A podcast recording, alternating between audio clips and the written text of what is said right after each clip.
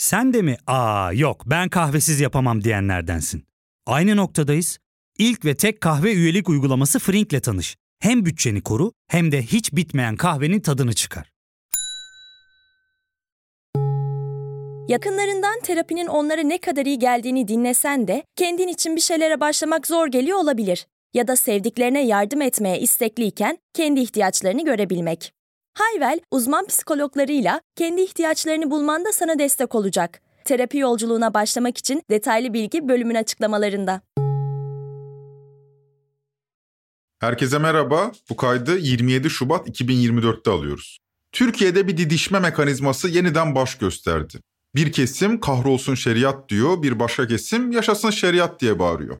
Tüm bunlar yaşanırken tüm dünyada İslamcılığın da tabutuna çivi çakılıyor. Mısır'da Müslüman kardeşler tasfiye ediliyor. Suudi Arabistan gibi İslamcılığın merkez üssü bir ülkede dahi İslam dini ılımanlaşıyor. Türkiye'de ise İslami gelenekten gelen bir siyasi lider 22 yıllık iktidarını yeni bir rejim kurarak güçlendiriyor. Seküler kesimlerin endişesi tavan vaziyette. Peki bu rejim nereye gidecek? Yoksa hala hazırda bu rejim durdu mu? Yani tesis edildi mi? İslami bir düzen mi kurulacak yoksa demokrasi tavsiye mi edilecek? Tüm bunları bu bölümde anlamaya çalışacağız. İsterseniz uzatmayalım. Ben Ozan Gündoğdu. Hazırsanız başlayalım.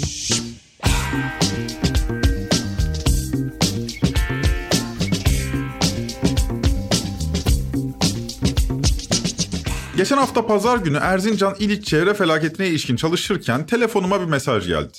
Türkiye kendi tarihinin en büyük çevre felaketini yaşıyordu ama gündem hiç oralı değildi. Feyza Altun için tutuklansın kampanyası yapılıyordu.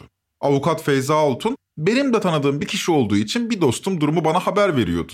Nedir mevzu diye baktım. Bir Twitter iletisine yani şeriata sokayım diye cevap vermişti. Bunu görünce olayın büyüyeceğini anlamak zor olmadı. Açıkçası Feyza Altun'un tweetine ne içerik olarak ne de üslup olarak katılmak mümkündü. Ama linç sürerken Feyza'yı ayıplamak da haysiyetsizce, onursuzca bir hareket olurdu. Feyza'ya bir aşk olsun ya dedim içimden ve gelişmeleri takip etmeye başladım.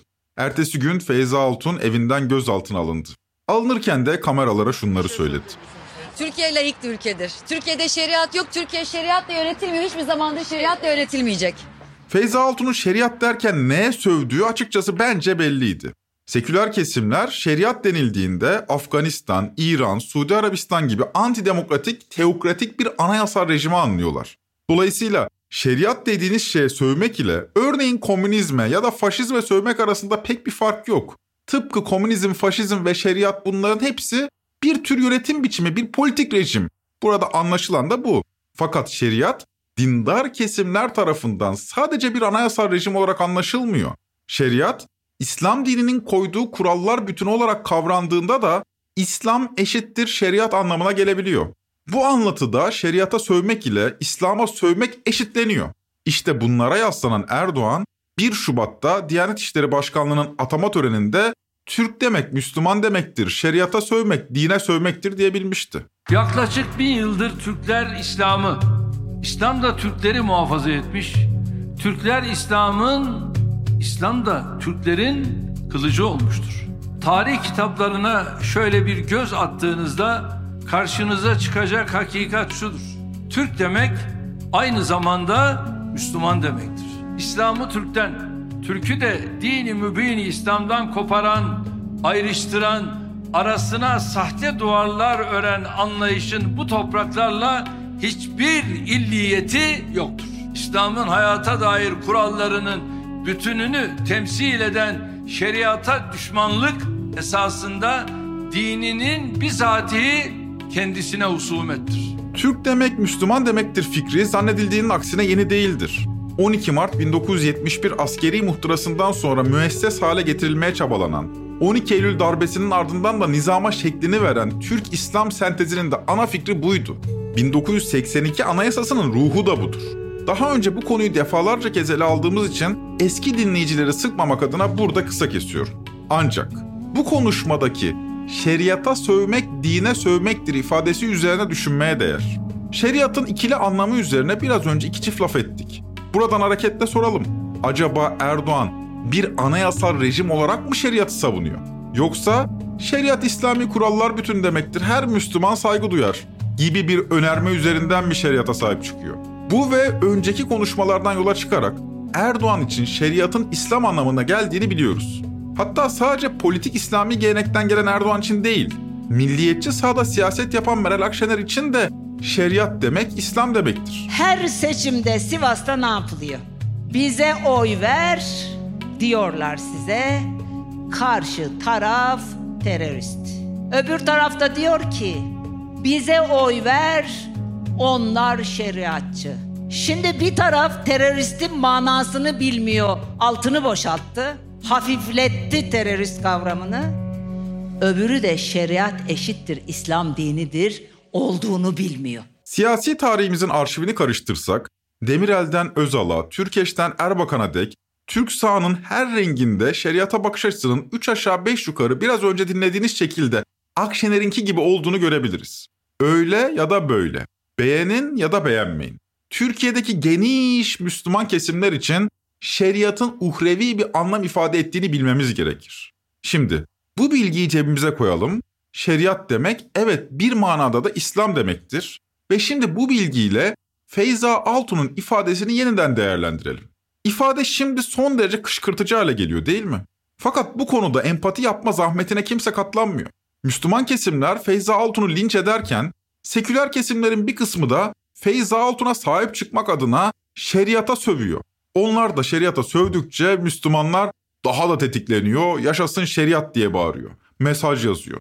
Sonra seküler kesimler daha da tetikleniyor, endişeleri tırmanıyor. Yıktırmayacağız bu cumhuriyeti diyorlar sanki yaşayan bir cumhuriyet varmış gibi. Didişme körüklendikçe körükleniyor, kimsenin fikri değişmiyor ama herkes bağırıyor. Sosyal medyada fitili ateşlenen bu didişme hali Şubat'ın ortasında sokaklara taşıyor ve yaşasın şeriat yazan pankartlar kentlerin görünür yerlerine asılıyor. Kendilerine genç hareket diyen bir grup Konya'da ortaya çıktı. Sokaklara yaşasın şeriat yazdılar. Bir de bu görüntüleri sosyal medyadan paylaştılar. Olay tepki çekerken bu kez Diyarbakır surlarına şeriat pankartı asıldı. Sadece surlara değil sokak aralarına üst geçitlere de. Bu pankartlar görününce seküler kesimlerin endişesi iyice harlanıyor. Sosyal medyada şeriata sövenlerin sayısı artıyor. Sonra tekrar yaşasın şeriat ifadeleri, sonra tekrar kahrolsun şeriat vesaire vesaire. Fakat her şeriat denildiğinde de meseleyi böyle iyi niyetle mi kavramak gerekir? Yani endişelenecek bir şey yok canım. Şeriat demek zaten İslam demektir. Müslümanlar o yüzden şeriata sahip çıkıyorlar yoksa anayasal bir rejim değişikliği istemiyorlar demek de saf dillik olmaz mı? Hele ki açık açık bu talebi yükseltenlerle beraber yaşarken önümüze sürekli şeriat isteyen sokak röportajları çıkmıyor mu? Diyelim ki Türkiye'ye şeriat geldi. Kim yönetecek bu şeriatı? Eğer halk hak ediyorsa gelir. Hak etmiyorsa gelmez. Ben diyorum ki abi şimdi diyorum şeriat Şu anda geldi. yok yürütecek adam yok. Yürütecek adam var mı? Halk yok çünkü. Şeriatçı halk yok şu anda. Halkın yüzde yetmişi, sekseni şu anda şeriat düşmanı. Kim yönetecek abi? Abim Allah bilir. Yani Allah o zaman şimdi şeriat İran'daki de bir şeriat. Hayır onu istemiyoruz biz kesinlikle. İran'daki şeriat değil ne de Arabistan'daki. Hakiki şeriat yok. Şu anda hakiki şeriat bir yerde var. Afganistan dünyada en rahat Müslümanlar yaşadığı bölge şu anda Afganistan. Müslümanların ha gavurların değil. Abi Afganistan'dakiler niye kaçıyor o zaman Türkiye'ye? Kim kaçıyor biliyor musun? Ben sordum onlara. Dedi biz ajandık. Bu sokak röportajları endişe katsayımızı daha da arttırıyor. Bu kesimlerin Erdoğan'a taparcasına bağlı olması da endişemize haklılık kazandırıyor. Devletin tüm imkanlarını ele geçirmiş, yasama ve yürütmeyi vesayet altına almış, kendi rejimini kurmuş ve şeriatçılar tarafından da desteklenen, kendisi de şeriat öven, laiklik hassasiyeti olmayan, belli ki demokrat da olmayan bir lider Erdoğan. Dolayısıyla endişelenmek hakkımızdır. Fakat bu endişe bir anksiyete bozukluğuna neden olmalı mıdır? Bu kış şeriat mı gelecektir? O halde şeriat denilince seküler kesimlerin zihninde canlananı da tespit etmek gerekir. Endişelenilen şey nedir? Yani şeriat denildiğinde neden seküler kesimlerde bir endişe bozukluğu meydana gelmekte? Konuyu çalışırken seküler kesimlerin şeriattan anladıkları ne menem bir şeydir diye YouTube'u karıştırdım. Ne olurdu adlı kanalın Türkiye'de şeriat ilan edilirse başlıklı bölümüne denk geldim. Elbette tüm seküler kesimler motamot bunu anlıyor demiyorum ama Bence şeriat denilince aklımıza 3 aşağı 5 yukarı şöyle bir şey geliyor. Şeriatçı hükümet Türkiye'nin adını Türkiye İslam Cumhuriyeti olarak değiştirdi. Yeni rejimle birlikte Türkiye'nin başına gelebilecekleri ise şöyle özetleyebiliriz. Cumhurbaşkanı yerine halife seçildi. Halife hem devletin hem de dinin başı oldu. Halife Kur'an ve sünnete göre hükmetti. Yeni yasalarda İslami hukuk esas alındı. Şehri mahkemeler kuruldu. Şehri mahkemelerde kadınların ve azınlıkların tanıklığı erkeklerinkinden daha az değerli sayıldı. Zina, hırsızlık, içki içme, kumar oynama gibi suçlara rejim, kesme, kamışlama gibi cezalar verildi. Yeni kurumlarda İslami ilkeler uygulandı. Devlet kadrolarına sadece Müslümanlar alındı. Kadınların çalışması yasaklandı ve kısıtlandı. Eğitim, sağlık, adalet gibi hizmetlerde cinsiyet ayrımları başladı. Yeni eğitim sisteminde İslami eğitim verildi. Okullarda karma eğitim kaldırıldı. Üniversitelerin çoğu değiştirilip yerlerine İslami bilimler fakülteleri açıldı. Şimdi sorularımızı sıralayalım. Böylesi bir şeriat Türkiye'ye gelir mi? İkinci soru, Türkiye'deki mevcut yönetimin böyle bir şeriat hedefi var mı? Bu sorulara cevap vermek için önce Türkiye İslamcılığının tarihsel serüvenindeki köşe başlarını tespit etmek gerekir. 19. yüzyıla kadar gitmek de mümkündür ama bugünkü İslamcılığın ana rahmine düştüğü tarih 60'lardır. Bugünkü İslamcılığın diyorum bak. İslamcılar da bu 60'lı yıllarda kendilerini İslamcı olarak anmaz, mukaddesatçı milliyetçiler olarak ifade ederlerdi. Mukaddesatçılar da sola karşı sağda konumlanırdı. Dönemin popüler İslamcı dergilerinden Fedai'nin başyazarı Kemal Coşkuner, derginin 69 Şubat sayısında şöyle yazıyor. Tekrar ediyoruz.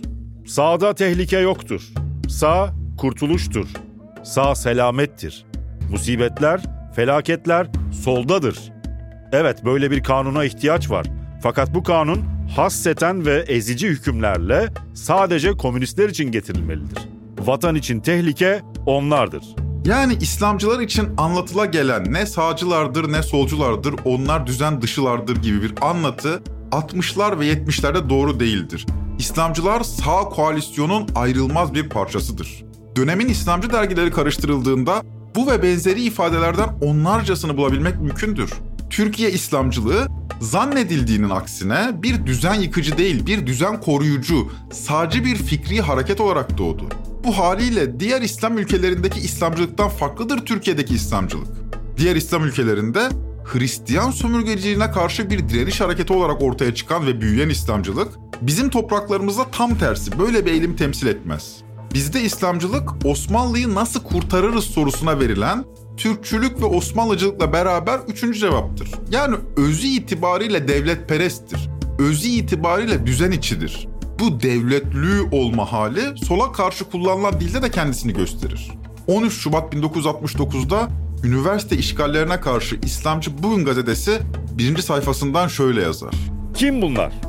Kim bu uzun saçlı hırpani kılıklılar? Kim bunlar? Türk polisine satılmış, Türk ordusuna milli olmayan ordu demek cüretini gösteriyorlar. Kim bunlar? Kim bu ağızları içki kokan sarhoşlar? Kim ki bunlar üniversiteleri işgal etme cüretini gösteriyorlar? Kim bunlar? Kim ki bunlar senin reyinle iş başına gelenlere Morison Süleyman, Cani Uşak diyebiliyorlar? Büyük Fatih'in kurduğu İstanbul Üniversitesi bahçesindeki kuleye kızıl bayrak çekebiliyorlar. Kim bunlar? Kim ki bunlar senin mukaddes tanıdığın bütün mefhumlara küfür edebiliyorlar? Bu ruh sefilliğine ancak tükürülür. Bir Türk böyle alçalmaz. Öyleyse bunlar neydi belirsizler. Türk olamazlar. Türk'ün tarifini algılayabiliyorsunuz değil mi? Bu haliyle İslamcılar da o dönemde kendilerini geniş milliyetçi cephenin bir parçası olarak görürler. Nitekim genç subaylar tarafından değil belki ama TSK üst düzey generalleri tarafından koruyup kullanırlar. 12 Mart'ın komutanı Memduh Tamaç dönemin İslamcı dergilerinde bir kahraman olarak resmedilir. Düşünün 70'li yılların ikinci yarısında kurulan milliyetçi cephe hükümetlerinin İçişleri Bakanı Milli Selamet Partili Oğuzhan Asil Türk'tür. Bir düzene karşı tehdit olarak görülen bir hareket hükümete gelince İçişleri Bakanlığı'nı alır mı? Hayır. Türkiye'deki İslamcılık 60'lı ve 70'li yıllarda düzen karşısında kendisini tedirgin hissetmeyen sağcı koalisyonun bir parçasıdır. Öyledir de ne olmuştur da İslamcılar devlet düşmanı haline gelmiş rejimi değiştirmeye meyletmiştir. Ne olmuştur da devlet İslamcılarını bir irtica tehdidi başlığına almıştır.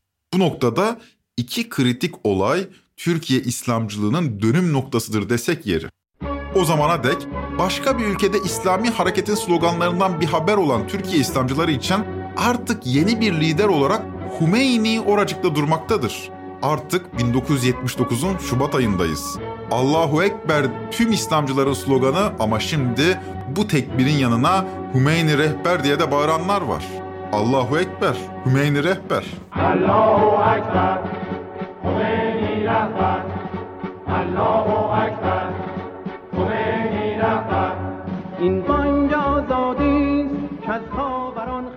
İran İslam Devrimi ile beraber İslamcılar sağcı koalisyondan fikren kopmaya başlıyor ve düzen dışı fikirleri yaygınlık kazanıyor. O zamana dek devrim demek komünistçe bir iştir. Devrimciler de komünistlerdir. Fakat 1979'da İran devrimi ile birlikte İslamcı gençler de bu ifadeyi sahiplenirler. Artık onlar da devrimcidir. İran'da bu devrimi ihraç etmeye çabalamakta, Türkiye'deki İslami çevrelerle ilişkiler geliştirmektedir. İslamcıların düzen dışılaşmasında ilk olay İran İslam devrimidir dedik. Bu olay Türkiye'deki seküler kesimlerin de endişe katsayısını arttırır. Zira bir kış komünizm gelebilirken şimdi aynı kış şeriat da gelebilmektedir. Şeriat tıpkı komünizm gibi gelen bir şeydir, gelen bir şeydir. Böyle yavaş yavaş dönüşmüyoruz, bir anda gelir. Bir anda değişiverir düzen. Böyle bir şeriat tahayyülü halen yaşıyorsa da gerçekliğini sorgulamak gerekir. Ya da endişe edilmesi gereken bir sabah gelecek olan şeriat mıdır? Peki neyden endişe etmeliyiz? Kısa bir aradan sonra onu konuşalım.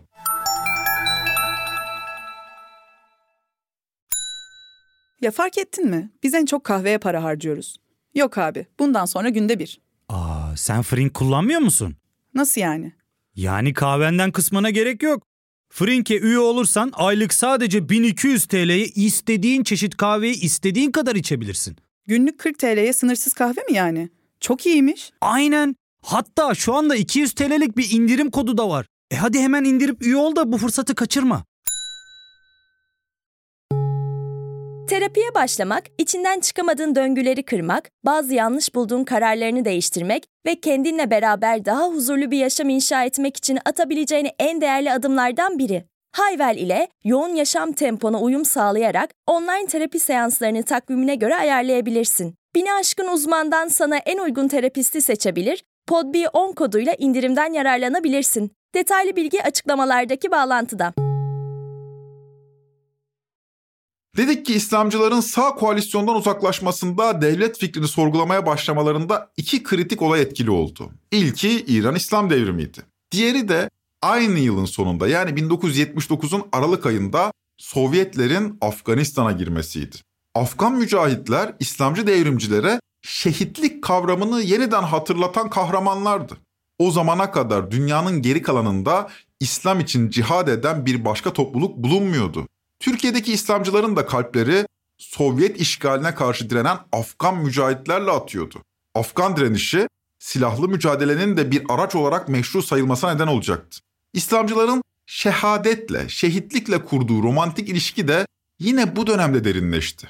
80'li yıllarda artık şarkı sözleri de değişmeye başlayacaktı.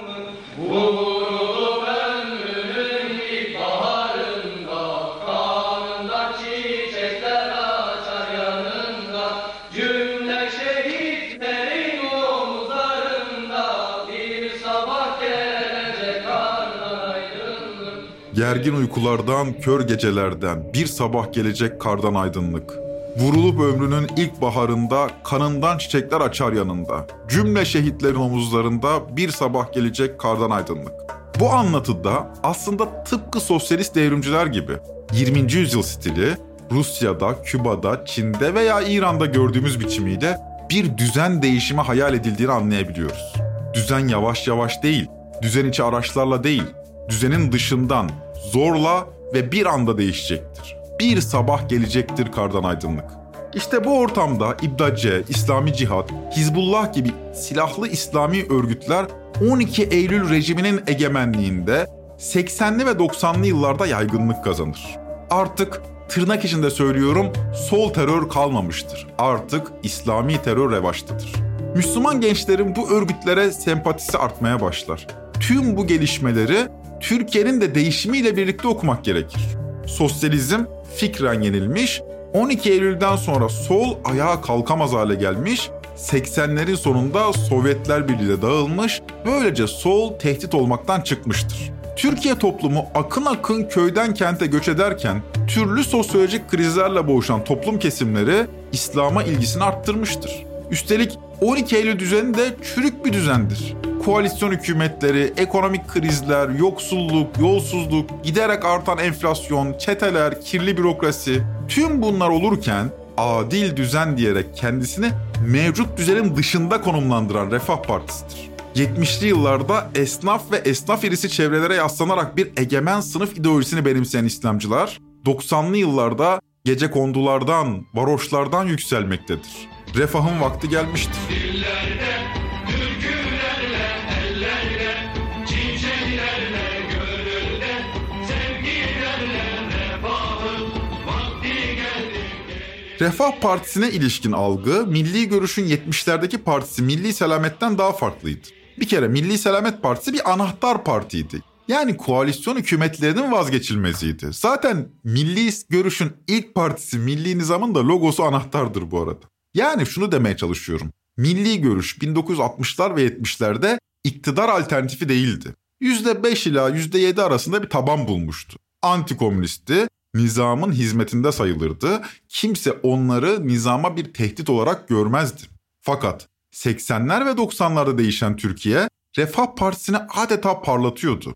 Buna karşılık kentli orta sınıflar bu yükselişten endişe duyuyor, onlar da bir sabah uyanıp şerri bir düzen kurulacağı endişesi besliyordu.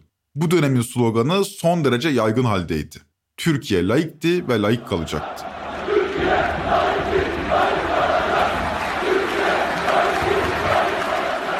Böylece düzeni koruyan, düzene ses etmeyen 70'li yıllar İslamcılığı 90'larda düzeni eleştirmeye başlamış, tarihin tuhaf bir cilvesi olarak bu sefer İslamcı olmayan toplum kesimleri düzeni korumaya başlamıştır. Laik düzeni korumak olarak biçimlenen yeni politik konumlanma Türkiye'nin soluna da sirayet etmişti. Artık düzeni tırnak içinde söylüyorum solcular koruyor, yoksul, güvencesiz, kente göçe zorlanmış ve düzenden menfaat elde edemeyen, düzenin dışına çıkardığı, düzenin kavrayamadığı kesimler ise düzen dışı anlatıyı İslamcılardan dinliyordu.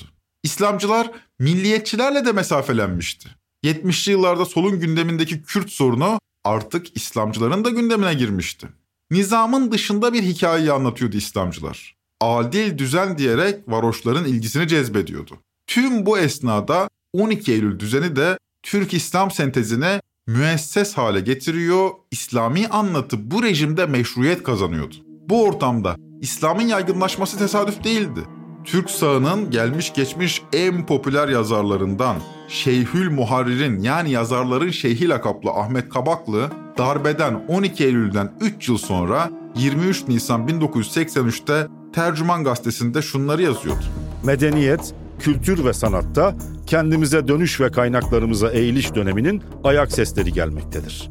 Yüzyıllık ihmal, gaflet ve cahilliklerden sonra İslami milli terkibe yöneliş hazırlıklarını görmek neslimiz için yine de bir şanstır. Bu yolda harcanan ferdi gayretler, beslenen ümitler, çekilen acılar boşa gitmemiş sayılır. Allah'ın takdiri ve 800 milyon Müslümanın istekleriyle yeniden efendi olmak çağı bize açılıyor. Darbe işine gelmişti İslami hareketin. 12 Eylül sonrasında 8 yıllık Turgut Özal iktidar döneminde de İslami çevreler geniş imtiyazlar elde etmeye başladılar. Bir yandan yoksul halk kesimlerinde İslami yöneliş hızlanıyor, bir yandan da 70'li yılların esnaf irisi İslamcıları Özal döneminde görülmemiş hızla zenginleşiyordu. İşte bu sosyal doku 2000'lerde Adalet ve Kalkınma Partisi'nin de tabanını oluşturacaktı. En tepedeki sermayedarlar ve en alttaki yoksul halk kesimleri tek bir potada eriyecek, endişeli ama eğitimli, kentli orta sınıflar bu gelişmeleri doğru okuyamayacaktı. Cahillikten kaynaklanıyordu tüm bunlar. Cahil kesim oy veriyordu bunlara. Zaten laik sermaye sayesinde en azından belki biraz ekonomimiz düzelebilirdi. İşte arada sırada 29 Ekimlerde, 10 Kasımlarda da bu tırnak içinde söylüyorum laik sermaye birkaç videoyla söz konusu bu orta sınıfların gönlünü alabiliyordu. 2000'li yıllarda gece konduların yerine apartmanlar dikilirken gece kondu sahipleri de kat sahibi oluyordu. Bu gerçeklikten habersiz hale getirilen kentli orta sınıflar bu yoksullardaki İslamileşme eğilimini göremiyordu. Onlara gösteren bir gazeteci aydın sınıf da kalmamıştı maalesef. Türkiye'de yaratılan rantın önemli bir kısmı sermayedarlarla iç ediliyor fakat mevcut rant inşaat üretimi aracılığıyla kente göç eden ve İslamcılığın tabanını oluşturan kesimlere pay ediliyordu.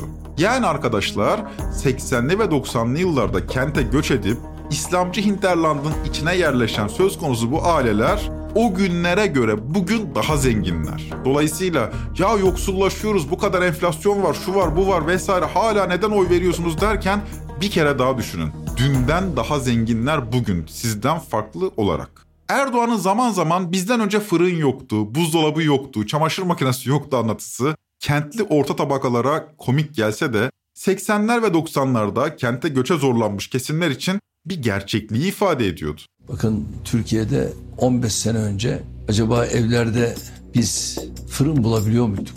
Acaba evlerde buzdolabı bulabiliyor muyduk? Çamaşır makinesi bulabiliyor muyduk? Ve şu anda o zamanki bu söylediklerimle şimdi geldiğimiz nokta nedir? 70'li yıllarda düzenin korucusu olan, 80'li ve 90'lı yıllarda düzen dışılaşan İslamcılar bugün düzenin tüm iplerini elinde tutan Erdoğan'ın hamiliğinde yaşıyorlar. Düzenin ekonomi politiği değişmedi. En alttaki yoksul milyonlar ile en üstteki zengin milyonerlerin koalisyonu ile karşı karşıyayız. En altta yoksul milyonların bir kısmı bir sabah gelecek kardan aydınlık edebiyatıyla oyalanırken milyonerler milyonla milyon katmakla meşguller. Bu haliyle bir anayasal değişiklik ile şeriat getirme hedefinin bu düzenin egemenlerinde olması mümkün değil. Ya da şöyle söyleyeyim, hukuk sistematiğinin değiştirilerek şeriat getirilmesi, örneğin anayasanın ilk dört maddesinin değiştirilmeye çabalanması 20. yüzyıla özgüydü. 20. yüzyılın özlemiydi. Halbuki bugün durum çok daha farklıdır, belki de çok daha tehlikelidir. Bugün İslamileşmenin yöntemi yazılı hukuk ile yürürlükteki hukuk arasındaki bağın koparılmasıdır. Anayasa hukukçusu ve yazar Murat Sevinç de bu hafta Diken.com.tr'deki yazısında bu konuya değinmiş. Şöyle diyor Murat Hoca. Türkiye'de şeriat hukuku sistemi egemen olur mu? Bir başka deyişle bir dinin özel ve kamusal yaşama ilişkin değerler bütünü devlet yönetiminin ve toplumsal ilişkilerin hukuku haline gelir mi? Hadi falcılık yapalım. Olmaz.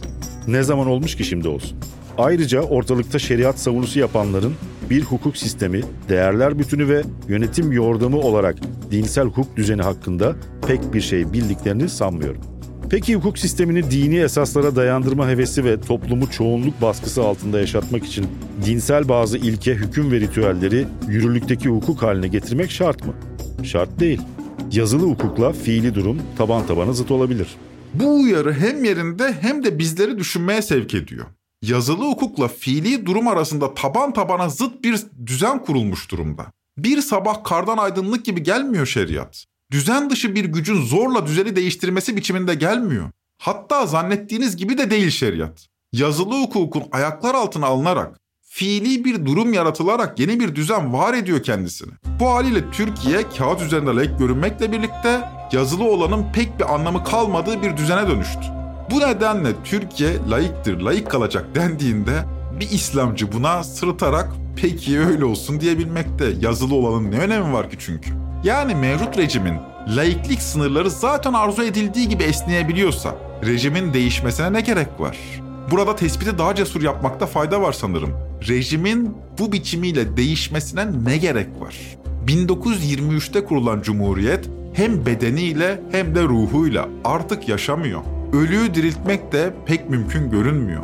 Bu cesaret isteyen bir laftır. Bunu her yerde söyleyemeyiz ama bunun üzerine uzun düşünmek gerekir. Bunu kabul etmenin zor olduğunu biliyorum ama bildiğiniz anlamda Cumhuriyet artık yaşamıyor. Dolayısıyla örneğin önümüzdeki yerel seçimleri CHP kaybederse şeriat gelecek değil. Zaten mevcut haliyle müesses hale gelmiş, yazılı hukuk kurallarını rafa kaldırmış bir rejimle karşı karşıyayız. Yerine yeni bir rejim tesis edilmiş durumda. Ve İslamcılar tıpkı 70'lerde olduğu gibi bu rejimin fedaisi pozisyonunda. Dertleri rejimi değiştirmek, İslami bir düzen kurmak değil. Zaten arzu ettiklerini elde edebiliyorlar. İnanılmaz imtiyazlara sahipler. arzu ettiklerini tutuklattırabiliyor, arzu ettiklerini dövebiliyor, arzu ettiklerini öldürebiliyorlar. Eskiden farklı olarak çok daha büyük paralara hükmediyor, düzenin egemenlerini oluşturuyorlar. Tıpkı 70'lerdeki gibi bir sağ koalisyonun parçası konumundalar ama bu sefer yönetenler onlar. Gazeteci yazar Kadri Gürsel de sanırım benim gibi düşünüyor. Medyaskop'ta bu yeni rejim meselesini vurgulamış Kadri Gürsel. Bir ekonomi politik var uygulana gelen. Bu ekonomi politik aslında iktidarın liderliği, iktidar aileleri, gövdesi ve tabanıyla beraber devlete göç etmesi, devlete yerleşmesi ve devlete dönüşmesini içeren uzun vadeli bir plan. Bu plan gerçekleşmiş durumda. Bazen sosyal medyada cumhuriyeti koruyacağız, yıktırmayacağız yazanları görüyorum. Ya da Feyza Altun'un dediği gibi. Türkiye layık bir ülkedir. Türkiye'de şeriat yok. Türkiye şeriatla yönetilmiyor. Hiçbir zamanda şeriatla yönetilmeyecek. Fakat seküler kesimlerin anladığı biçimiyle şeriat talep eden de yok. Varsa da endişe edilecek büyüklükte değiller. Yani bir grup meczuptur denilebilir. Çünkü zaten hala hazırda bir şeriatın nasıl tesis edileceğini bilen de yok. Şeriata ilişkin herhangi bir yazılı döküman da yok. Böyle olmalıdır, şöyle olmalıdır diyen de yok. Ben bunların dergilerini karıştırıyorum. Yok öyle bir talep. Dahası Erdoğan'ın da öyle bir derdi yok. Mutlaka uyanık olmakta fayda var ama bir cehennemin içinde zaten yaşıyoruz. Düzen değişecek diye korkacağımız bir şey olmamalı. Cehennemin kendisini zaten yaşıyoruz. O nedenle düzen değişecek diye bu ceberut düzeni korumaya çalışmak bana tuhaf geliyor açıkçası. İslamcılar bile Erdoğancı hale geldi. İslam davası dedikleri pazar tezgahına düştü. İsrail ile ticaret aynen devam ediyor. Sisi ile görüşülüyor. Hiçbir İslamcının da buna gıkı çıkmıyor. Ortada bir düzen değiştirme, İslami bir düzen kurma hayali bile kalmadığına göre bunlara İslamcı değil Erdoğancı demek daha doğrudur. Geçen yıl 6 Şubat depremlerinin 20. gününde Erdoğan'ın yaş gününü kutlayabilen bir mankurtlaşmaya ulaşan bir düzenden bahsediyoruz. Bu kadar akıl sağlığını yitirmiş bir düzen bu. Bu yılda henüz İliç'teki 9 madenci toprak altından çıkarılmamışken Elazığ'da 3 madencinin göçük altında kaldığı gün 26 Şubat'ta İslamcılarımız yine Erdoğan'ın yaş gününü kutlamakla meşguldü. İşte yeni düzeniniz. Ne şeriat ne laiklik. Yaşasın Erdoğan. İyi ki doğdun Erdoğan.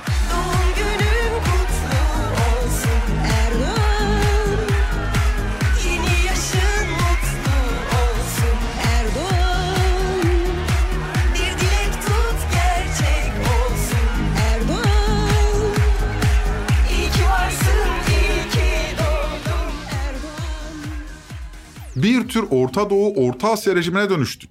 Ulusal hedeflerimizden de biz haberdar değiliz. Erdoğan ne derse o. Beraber sevinemiyor, beraber üzülemiyoruz. Müslümanlarla Müslüman olmayanlar veya İslamcılarla İslamcıların tayin ettiği dinin dışında kalanlar. Çünkü kendisine Müslüman demek de artık mümkün değil. Erdoğan'ı desteklemek zorundasınız. İşte tüm bu çevrelerin artık bir şekilde diyalog kurması, birbiriyle temas kurması, birbiriyle empati yapması gerekiyor. Bundan sonraki bölümlerde bu diyalog, empati meselesine biraz daha eğileceğiz. Bu bölümde biraz aklımdan geçenleri sizlere sunmuş oldum. Diğer bölümlerden biraz farklı oldu. Yani yüksek kanaatlerimi anlatmış oldum sizlere. Kusuruma bakmayın. Yeni bir düzen hayali kuramadıktan sonra bu yitik düzeni korumaya lüzum var mı? Bu soru aklımı kurcalayıp duruyor. Halbuki şunu demek gerekir. Yıkılsın bu düzen biz başka alem isteriz. Trend Topi'yi Podbi Medya ile beraber hazırlıyoruz. Bir sonraki bölüme dek cevaplarınız kadar sorularınız da olsun lütfen. Hoşçakalın.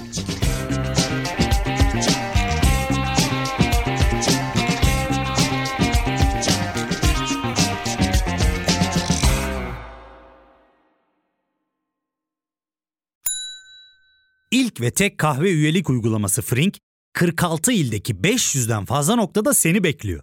Açıklamadaki kodu girerek sana özel 200 TL'lik indirimden faydalanmayı unutma. Hadi sen de Frink üyeliğini başlat, kahven hiç bitmesin. Hem bugününe hem yarınına katacaklarıyla terapi yolculuğuna ve daha iyi hissetmeye bugün Hayvel ile başla. Açıklamadaki linkten Hayvel'i indir, ücretsiz tanışma görüşmelerinin ardından bütçene uygun seans paketini seç ve terapi yolculuğuna başla.